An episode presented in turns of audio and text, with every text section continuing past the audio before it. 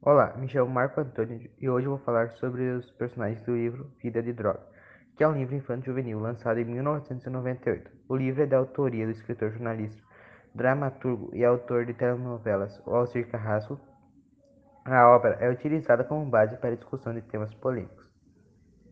O enredo da narrativa aproxima o público adolescente e se identifica nos, nas personagens pela idade, pela classe social e pelos conflitos que vivenciam.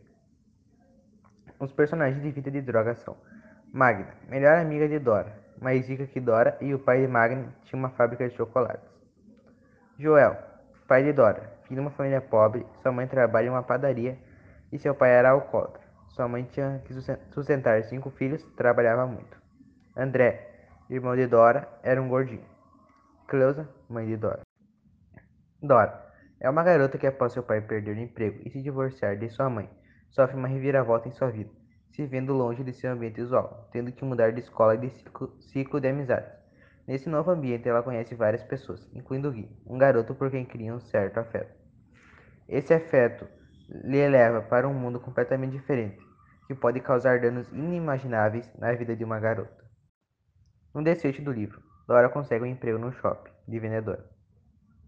É, tudo parecia estar bem, até que ela reencontra com Naldo, usuário de droga, que ofereceu-lhe novamente a droga, mas ela recusou. A partir de então, a vida começa a sorrir de novo para ela. O amor ressurge, um rapaz que sempre fora apaixonado por ela convida, a convida para sair e ela